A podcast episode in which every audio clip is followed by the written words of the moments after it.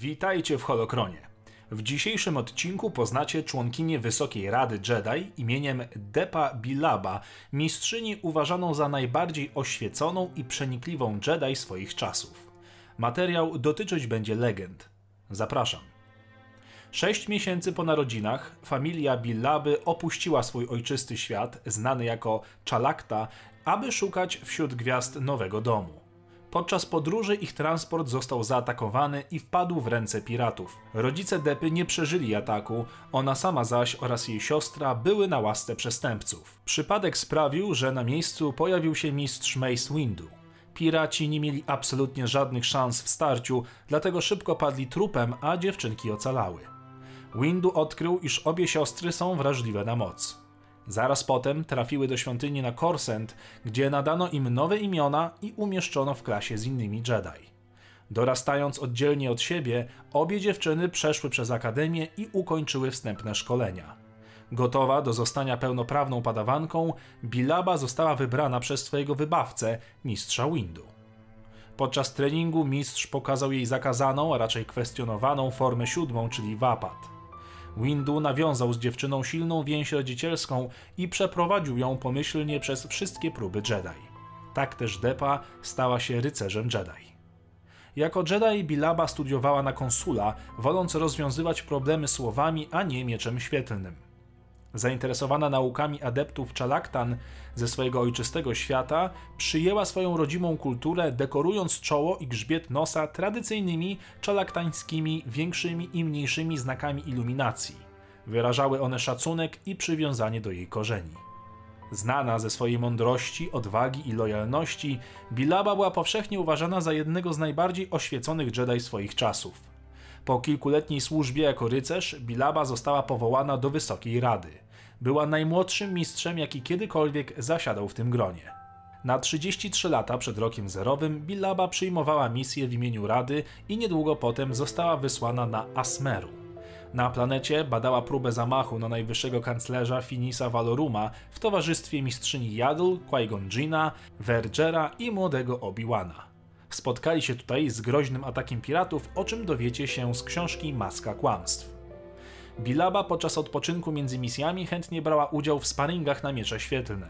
I choć walczyła nieźle, Obi-Wan Kenobi zdołał rozłożyć ją na łopatki, czego dowiecie się z gry Star Wars Obi-Wan z 2001 roku.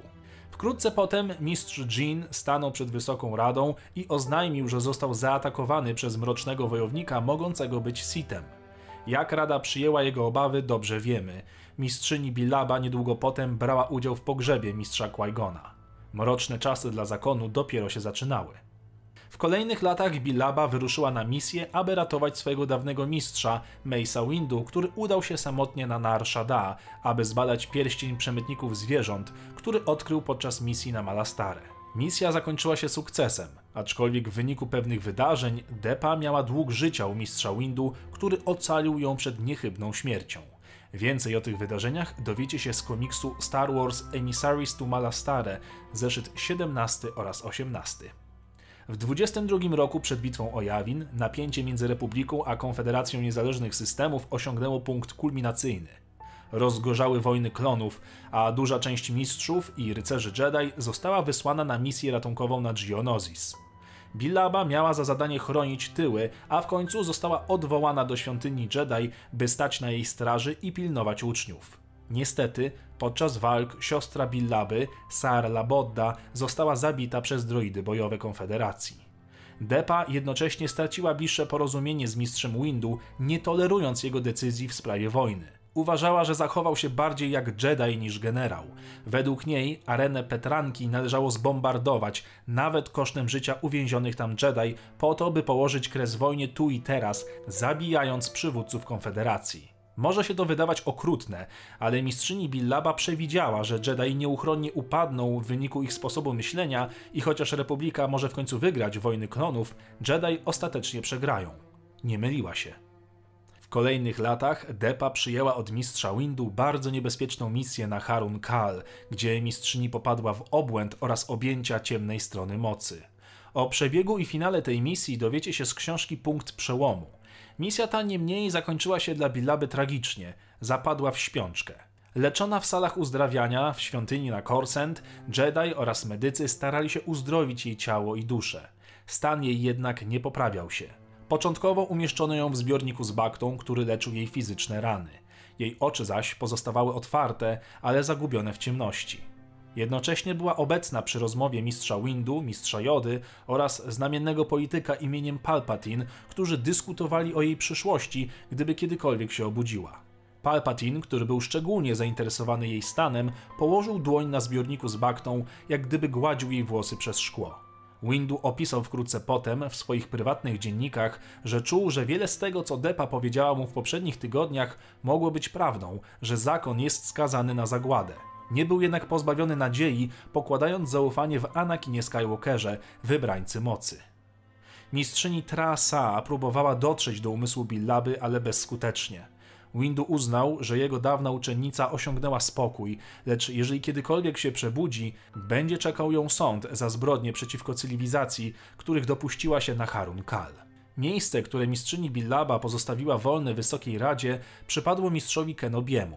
Jej dalsze losy zaś, również te po wykonaniu rozkazu 66, pozostają nieznane. W kanonie historia tej postaci jest już nieco bardziej przyjazna i heroiczna, bez cienia szaleństwa i smutnego końca. Jej ostateczne poświęcenie pozwoliło na ocalenie jej padawana, Kaleba Duna, znanego później jako Kanan Jarus, którego z pewnością kojarzą widzowie serialu Rebelianci. Niemniej postanowiłem przytoczyć wam historię z legend, gdyż to jedna z tych niewielu opowieści ze świata Gwiezdnych Wojen, które mają dość gorzki, ale jednocześnie bardzo życiowy finał. To wszystko na dzisiaj. Dajcie znać o kim lub o czym zrobić kolejny odcinek. Wbijajcie na Discorda, odwiedzajcie fanpage i jeśli chcecie, by kanał dalej się rozwijał, rozważcie zostanie patronem serii. Z tego miejsca ukłon dla wszystkich wspierających na serwisie Patronite. Niech moc zawsze będzie z wami.